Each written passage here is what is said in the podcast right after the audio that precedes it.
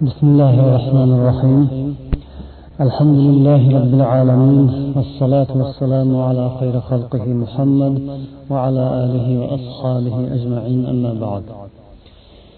محترم طلبة عزيز برادر السلام عليكم ورحمة الله وبركاته. الله كحمد صنع الأرولان ينا عقيدة تحاوية وتيتكن درسنا دوام اترامس bugungi mavzuyimiz mana shu darslikning quyidagi matni لا تبلغه الأوهام ولا تدركه الأفهام ya'ni alloh taoloning kunhi mohiyatiga vahmu hayolotlar aslo yetmaydi va aqlu idroklar unga uning mohiyatiga aslo yetmaydi. Uni insonning fahmi farosati aqlu zakovati idrok eta olmaydi.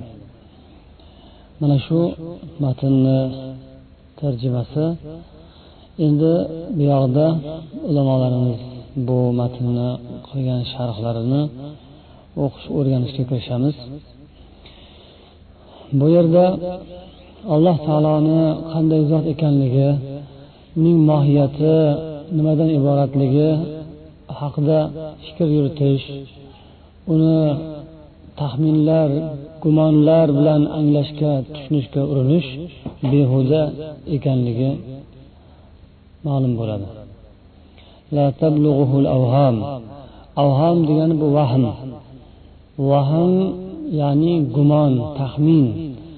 Hech bir dalilga asoslanmasdan inson o'zini xayoloti bilan fantaziyasi bilan o'ylab ko'rib taxmin qilib ko'rib biron bir narsaga erishishga urinish bu vahm. Gumon xayol degan. Shunaqa gumonu xayollar farazlar bilan taxminlar bilan alloh taoloni bilib bo'lmaydi degan. Buni aytishning sababi shuki fanda ko'p narsalar oldin faraz bo'ladi taxmin bo'ladi gumon bo'ladi. Taxmin qilib ko'riladi gipoteza deb aytadilar. Keyin o'sha orqali haqiqat ko'pincha topilib qoladi. Bu fanda bo'lishi mumkindir dunyoviy ilmlarda bo'lishi mumkindiru ammo alloh taologa nisbatan allohning bizga yuborgan bu islomiy ilohiy ta'limotlarga nisbatan bunaqa qoidani qo'llab bo'lmaydi. Allohni va alloh bizga ato qiladigan ilmlarni g'ayb ilmlarini ilohiy bilimlarni faraz bilan taxminlar bilan gumonlar bilan hayolotlar bilan egallab bo'lmasligini oldindan aniq qilib aytib qo'yyaptiki odamlar bekordan bekorga ovora bo'lmasinlar. O'zim aqlim bilan farazu xayolotlarim taxminlarim bilan topib olaman degan o'ziga ishonish o'ziga bino qo'yish bo'lmasin deb boshidan boshlab bu narsani aniq tiniq qilib aytib qo'yilyapti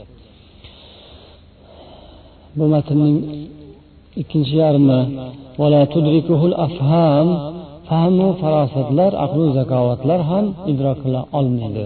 Deganimizdan esa bu ollohning mohiyatiga ho'p hayolatu vahm bilan taxminu farazlar bilan yetib bo'lmas ekan ha unda aniq fanlar orqali aniq dunyoviy bilimlar ilmlar orqali tajribalar o'tkazish orqali har xil ilmiy tadqiqotlar o'tkazish orqali balkim yetib bo'lar. Degan fikr keladigan bo'lsa unisi ham mumkin emas uni ham to'g'ri deb aytib bo'lmaydi. Alloh taoloni demak vahm hayolotdan tashqari ilm fan bilan ham uning mohiyatiga yetib bo'lmaydi idrok qilib bo'lmaydi. Bu fahm aql hosil qiladigan narsa. Bu aql zakovatning hosilasi natijasi fahm ilm fan bu inson aqli bilan erishiladigan topiladigan narsalar. Lekin alloh taoloni bilish allohni tanish bu na fahm e, na vahm hayolotga va na aqlu zakovatga asoslanadigan shuni o'zi bilangina bitadigan narsa emas. Albatta allohni bilishda aql shart lekin aqlning o'zi mutlaq hokim emas hamma narsani aqlning o'zi hal qilmaydi. Aql tayyor narsani qabul qilish uchun kerak. Bu tayyor narsani allohning o'zi beradi. Olloh o'zi haqidagi ma'lumotni uning o'zi va payg'ambar elchisi beradi. Aql esa shu narsani qabul qilish uchun albatta shart bo'ladi. Lekin olloh yuboradigan ilm vahiydan xoli bo'lib olib har qanday o'tkir aql o'zi mustaqil suratda ollohni taniy olmaydi bila olmaydi bildim degani bilan u bilgan hisoblanib qolmaydi. Keyingi matn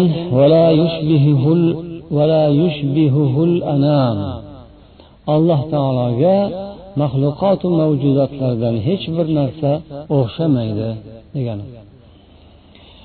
Bu ibora islom tarixida o'tgan mushabbiha degan nom bilan tanilgan toifa adashgan toifaga raddiyadir javobdir.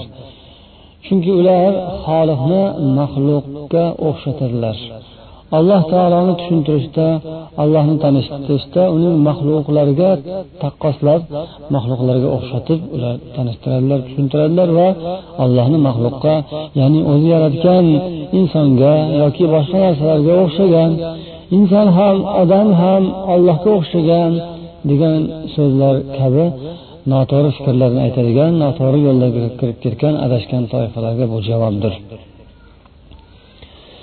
bu qur'oni karimdagi shura surasining o'n birinchi oyatiga asoslangan أعوذ بالله من الشيطان الرجيم ليس كمثله شيء وهو السميع البصير unga o'xshash hech bir narsa yo'qdir allohga o'xshash hech bir narsa yo'qdir u samidir basirdir eshituvchidir ko'ruvchidir bu oyatni o'tgan darslarimizda ham eslab o'tganmiz Bu yerda alloh hech narsaga o'xshamaydi hech kimga o'xshamaydi degandan maqsad bu ba'zi bidatchilar aytganidek ollohning sifatlarini yo'qqa chiqarish emas. Hali mana shu yuqorida aytilgan ya'ni alloh taolo maxluqotlarga o'xshagan degan narsani rad etishdan tashqari alloh taoloni biron bir sifati mana shu aytilayotgan sifatlari borligini ham inkor etadigan toifalar bor. Biri u tomonda biri bu tomonga turib olgan biri ollohni ba'zi narsalarga o'xshatib qo'ysa bu yoqdagi toifa esa o'shalarga o'xshatib qo'ymaylik sizlarga o'xshab qolmaylik deb ular butunlay alloh taoloni sifatlarini inkor etib yuborgan toifalar ham bor. Imom abu hanifa rahmatullohi alayh o'zlarini al fiqhul akbar ismli kitoblarida aytadilarki la yushbihuhu shay'an min xalqihi va la yushbihuhu shay'un min xalqihi. Alloh taolo o'zi yaratgan maxluqotlardan hech bir narsaga o'xshamaydi va olloh yaratgan maxluqotlarning hech biri unga o'xshamaydi. Na olloh maxluqotlariga va na maxluqotlarning birontasi allohga hech qanday o'xshashlik aloqadorlik joyi yo'q. Shunga asoslanib aytiladiki kimki alloh taoloni maxluqotlardan biror bir narsaga o'xshatsa u kofirdir. Yana kimki allohning sifatlaridan olloh o'zi sifatlagan o'zini o'zi sifatlagan va payg'ambari sifatlagan sifatlardan birortasini inkor etsa u kofirdir deyiladi. Demak har ikki tomonda ikkita adashgan toifa. Biri allohni nimagadir kimgadir o'xshatadi yoki kimnidir nimanidir allohga o'xshatadi. Ikkinchisi esa allohning sifatlaridan nimanidir inkor etadi yo'qqa chiqaradi. U ham kofir bo'ladi bu ham kofir bo'ladi. Degan iboramiz bilan biz alloh taologa hech bir narsa o'xshamaydi. Deb ollohni biror narsaga o'xshatishdan yoki boshqani allohga o'xshatishdan poklanib poklab shu bilan bir qatorda ollohning ism sifatlarini ismlarini uni o'ziga isbot qilamiz. Tarixda yana jahm bin safvon degan bir adashgan zalolatga ketgan odam va uning keyinidan ergashgan toifalar bo'lgan. Bular ahli sunna va jamoani ollohni maxluqotlarga o'xshatuvchilar deb ayblashadi. Ahli sunna va jamoani mushabbihalar deb aytishgan. Sabab nima deyilsa sabab ahli sunna va jamoa bular alloh taoloning o'ziga o'zi bergan tarifi olloh o'zini o'zi qilgan sifatlarini tasdiqlaydilar allohni hamma sifatlarini isbotlaydilar bor deb aytadilar. Mana shuning o'ziga bular ahli sunna va jamoani mushabbihalar deb davo qiladilar. Yana shularni yo'llarini davom ettirgan balkim bulardan ham o'tib tushganlar qaromita degan mazhab va faylasuflar toifalar ham alloh taoloning sifatlarini hammasini ular inkor etganlar. Va bular ollohni olim qodir degan sifatlar bilan sifatlab bo'lmaydi. Bunda uni insonga o'xshatib qo'yilgan bo'ladi deb ular allohni sifatlaridan mahrum qiladilar o'zlaricha buni inkor etadilar va bu hali yuqorida aytib o'tganimizdek bu narsa allohni sifatlarini inkor etish va oxir oqibat kufr bo'ladi.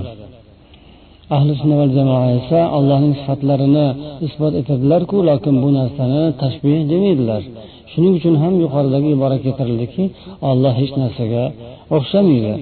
Allohni sifatlarini tasdiqlashdan murod uni biror narsaga tashbih qilish emas. Shuning uchun ham imom abu hanifa rahmatullohi alayhi aytgan edilarki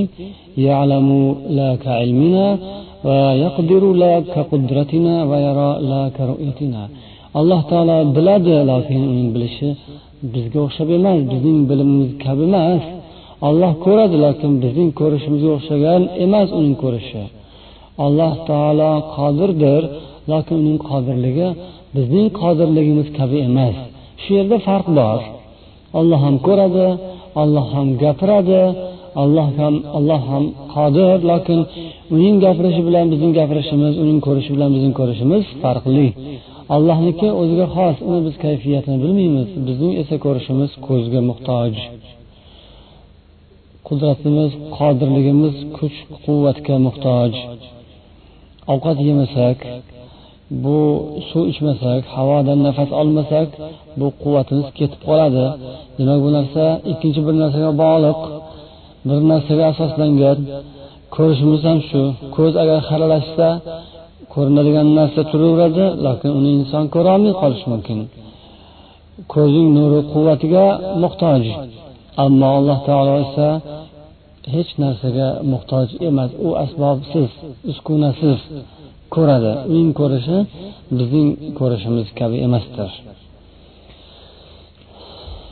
Yana mana shu alloh taoloning sifatlarini nafiy qiluvchilar nufotlar bular ala degan oyatni ya'ni nahl surasining oltmishinchi oyatini o'zlarini buzuq e'tiqodlariga hujjat dalil qilib keltirar ekanlar. Eng oliy misollar ollohnikidir eng oliy misol ollohdadir degan mazmundagi oyatni ular keltirib aytadilarki alloh taolo vojibul vujuddir ya'ni borligi mavjudligi vojib bo'lgan o'z o'zidan mavjud bo'lgan zotdir deb turib ular falsafamizning asli deydilar ya'ni faylasuflar. Bu insonni iloji boricha kuchi quvvati toqati yetganicha alloh taologa o'xshatishdir va alloh taologa o'xshashga intilishdir.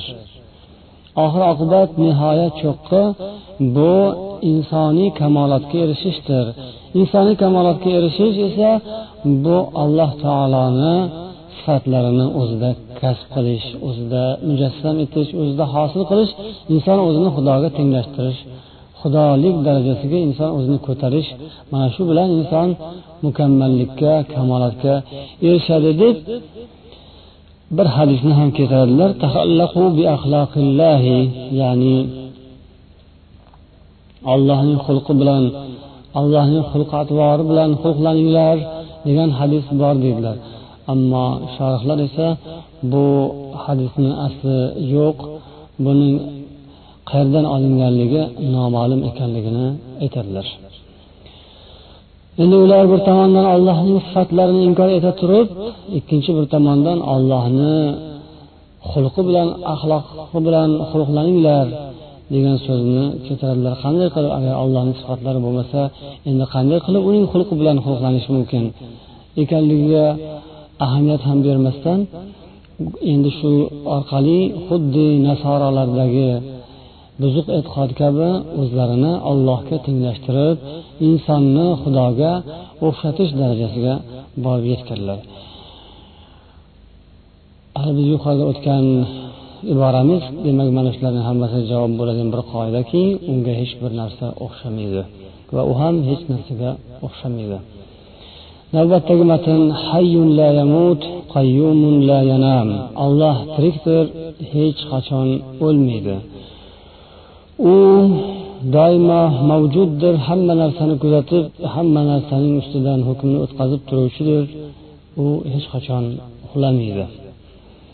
Qur'oni karimda baqara surasining ikki yuz ellik beshinchi oyatida oyatul kursiy deb hammamiz biladigan yod etgan uzun bir oyatda alloh taolo o'zini ta'riflaydi أعوذ بالله من الشيطان الرجيم الله لا إله إلا هو الحي القيوم لا تأخذه سنة ولا نوم deydi alloh shunday zotki undan boshqa hech bir xudo yo'qdir u al hay al qayyumdir al hay tirik Uning tirikligi hech qachon o'lmaydi va bizga o'xshab jonga ruhga qonga nonga oziq ovqatga suv havoga muhtoj emas unga bog'liq emas. Inson ham hay deb aytiladi tirik deyiladi lokin insonning tirikligi yuqorida aytilgan narsalarga muhtojdir bog'liqdir. Al qayyum bu hamisha mavjud va doimo bor hamma narsani ustidan kuzatib turuvchidir va u la yanam ya'ni uxlamaydi. Boshqa insonlarda esa boshqa maxluqotlarda esa uyqu bor charchash bor dam olish bor. Alloh taoloda esa bunday narsalar yo'qdir. Uyqu va mudrash bu maxluqotlarga xos narsa. Alloh taolo kuzatuvchi lokin kuzatuvchilik sifati boshqalarda ham bo'lishi mumkin xuddi tiriklik sifati boshqalarda ham bo'lishi mumkindek. Ammo allohning tirikligi bu azaliyu abadiy o'lmaydigan haqiqiy hayot haqiqiy tiriklikdir. Bu allohning sifatlarini mukammal sifatlar ekaniga dalolat qiladi. Insonning sifatlari esa nuqsonli sifatlar. U ma'lum bir vaqt boshlanib keyin tugaydigan. Mana bu yuqorida biz ko'rib o'tganimiz ikki ism al hay al qayyum ismlari qur'oni karimning uchta surasida zikr qilingan. Bu olloh ismlarining eng ulug'i sanaladi ikki ism.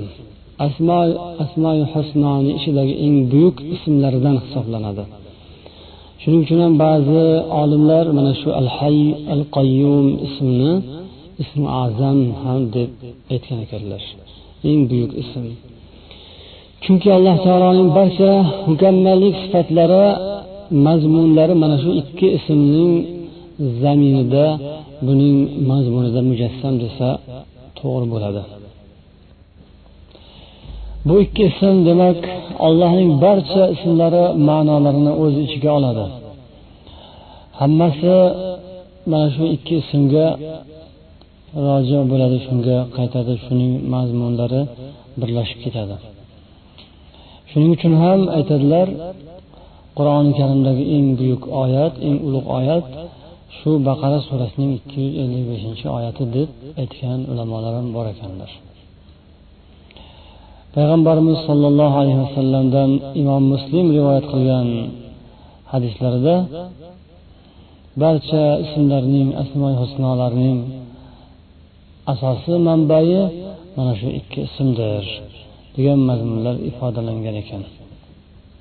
Chunki al hay tirik haqiqiy tirik bo'lgan zot uning tirikligi abadiyu azaliy qolgan barcha sifatlar shu azaliy abadiy mukammal tiriklikka asoslangan.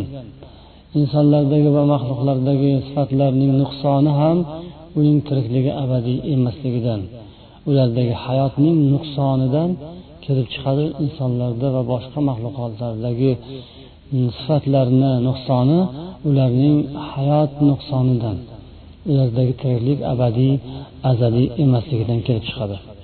Va yana qayyumlik ham allohni mukammal kamo eng mukammal kamolot sifatlaridan hisoblangani uchun bu kuzatuvchilik egalik ustunlik doimiy mavjudlikka bog'liq boshqa sifatlar ham. Ammo boshqalardagisi esa xuddi mana shu sifatdagi nuqson mana shu kuzatuvchilik yoki mavjudlik borlik o'z o'zidan bor emas balkim uni boshqa kimdir ya'ni alloh taolo bor qilganligiga bog'liq. Ollohni esa hech kim bor qilgan emas u vojibul vujud borligi vojib bo'lgan. Bo'lishi o'z o'zidan shart o'z o'zidan lozim vojib bo'lgan zot. Mana shu vojibul vujud degan ma'noga dalolat qiluvchi ism al qayyum ismi ekan qur'oni karimdagi. Navbatdagi matn xoliqun bila hajatin raziqun bila mu'natin. Alloh taolo hech bir ehtiyojsiz muhtojliksiz yaratuvchidir va hech bir qiyinchiliksiz mashaqqatsiz rizq beruvchidir. Alloh taolo barcha maxluqotlarni yaratuvchisi udir. Allohu xoliqu kulli shay degan qur'oni karimda har qanday narsaning yaratuvchisi ollohdir lekin alloh taolo bu narsalarni nima uchun yaratdi? Unga muhtojlikdan yaratdimi? Yo'q. Alloh taologa hech narsa kerak emas edi. Hech narsaga u muhtoj emas edi. Bizni atrofimizda bo'lib turgan bu narsalar ashyolar esa insonni qo'li bilan yasagan narsalar esa xoh qalam bo'lsin xoh mana qog'oz kitob bo'lsin inson qo'li bilan ishlab chiqargan narsalar bular nima uchun yasalgan? Inson shunga muhtojligi uchun yasagan. Inson shusiz hayoti qiyin hayot kechira olmaydi shuning uchun bularni ixtiro qiladi yasaydi ammo alloh taolo bu olam tabiatni sizni bizni bu maxluqotu mavjudotlarni yaratgan ekan ularga muhtojligidan emas. Ularga ehtiyoji tushganidan shular allohga kerak bo'lib qolganidan emas. Shuning uchun u xoliqun bila hajatin. Hech bir ehtiyojsiz yaratuvchidir zoriyat surasini ellik oltinchi ellik sakkizinchi oyatida alloh deydiki billahi minash shaytonir rojim وما خلقت الجن والإنس إلا ليعبدون ما أريد منهم من رزق وما أريد أن يطعمون إن الله هو الرزاق ذو القوة المتين men jinlar va insonlarni faqat menga ibodat qilsinlar uchungina yaratganman deydi. Demak alloh taolo yaratishdan hikmati ibodat. İnsonlar va jinlarni yaratishdan hikmat bu ibodat. Allohga ibodat qilsinlar uchun yaratildi. Alloh aytadiki ulardan men rizq izlamayman rizq istamayman ulardan. Ular meni taomlantirishlarini xohlamayman buning uchun yaratganim yo'q allohning o'zi ko'p rizq beruvchi kuchu quvvati mustahkam qudrati cheksiz bo'lgan zotdir deydi. Demak u yaratdi o'zining quvvati qudrati haddan ziyoda insonda esa kuchu quvvat yetishmasligi ojizligi uchun o'ziga yordam beradigan narsalarni asbob uskunalarni yaratadi. O'zining quvvati kuchi yetmasligi uchun og'ir yuklarni ko'taradigan apparatlarni asboblarni yasaydi og'ir ishlarni qiladigan ba'zi bir mashinalarni ixtiro qiladi. Inson o'zi kuchi o'shasiz kuchi yetmaydi. Ammo alloh taoloning esa kuchi qudratining cheki yo'q cheksizdir lekin uning yaratishidan ko'zlangan hikmat yaratilishdan bu maxluqotlarni yaratilishdan ko'zlangan hikmat insonu jinlar paydo bo'lishidan ko'zlangan hikmat bu ibodatdir. Yana fotir surasining o'n beshinchi oyatida ey insonlar sizlar hammalaringiz alloh taologa muhtojsizlar. Alloh huzurida faqirsizlar. Olloh esa u g'aniydir boydir u hamiddir u maqtalgandir deydi. Demak olloh bu olamni yaratgan ekan xudoga kerak bo'lib qolgandan emas balkim bizga kerak biz shunga muhtojmiz.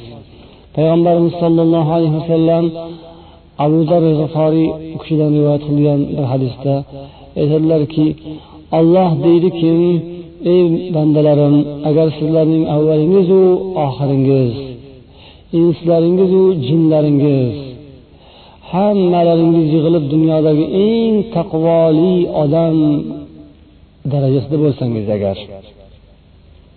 ya'ni hammangiz judayam bir taqvodor e'tiqodli ibodatli odam bo'lsangiz hech kim qolmasdan bu xilda eng taqvodor kishiga aylanib qolsangiz mening mulkimda mening mamlakatimda bir zarrani ziyoda qila olmaysizlar. Ya'ni man sizlarni iymonli e'tiqodli ibodatli kishilar zotlar bo'lishga chaqirayotgan bo'lsam bu narsa mening foydam uchun emas. Hammalar e'tiqodli iymonli eng iymoni baquvvat kishiga aylangan taqdirlaringizda ham mening mulkimda bir zarra ziyoda qilolmaysizlar. Zarrani ko'paytirib qo'yolmaysizlar ey bandalarim agar sizlarning avvalingizu oxiringiz insonlaringizu jinlaringiz yer yuzidagi eng yaramas fosiq eng yomon odamga aylanib qolsalaringiz hammangiz bir xilda yomonlarning yomoniga aylanib qolsangiz ham shunda ham meni mulkim mamlakatimga bir zarracha zarar yetkaza olmas edilaringiz. Mening mulkim mamlakatimga bir zarracha nuqson yetmas edi. Yana deydiki ey bandalarim agar sizlarning avvalingizu oxiringiz insonlaringizu jinlaringiz hammalaringiz bir joyga to'planib mendan hojatlaringizni so'rasangiz o'sha so'raganlarning har birini nima so'ragan bo'lsa so'rovini hammasini bersam bitta qoldirmasdan so'rovni hammasini muhayyo qilganimda ham mening huzurimda mavjud bo'lgan narsa mening huzurimdagi mavjud narsadan sizlarga bu berganim zarracha kamaytirmas edi. Mening maxluqotu mavjudotim mening xazinam mening yaratgan boyliklar xazina sizlar so'ragan bilan tugamaydigan. Agar to'xtamasdan berganimda ham undan xuddi kattakon bir dengizga ignani shunday suqib olganda ignaga nima yopishib chiqadi? O'shanchalik ham kamaytirmagan bo'lar edi deydi. Bu hadisni imom muslim rivoyat qildilar. Demak alloh taoloning mulki mamlakati ana shunday cheksiz va u bergan bilan tugamaydi alloh taolo hech narsaga muhtoj emas. Ya'ni hech bir mashaqqatsiz rizq beruvchidir. Hali hadisda aytilganidek ollohni bergani ato qilgani dengizdan tomchi ham deyilmaydi. U ignani uchiga ilashib chiqqan narsa tomchining mingdan milliondan bir bo'lagi bo'lsa bordir. Undan ko'p emas undan kamdir yoki shuncha ham allohning mamlakatidan xazinasidan hech narsa kamaymaydi.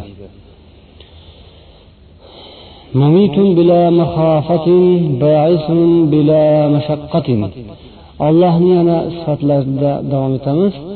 U o'ldiruvchidir.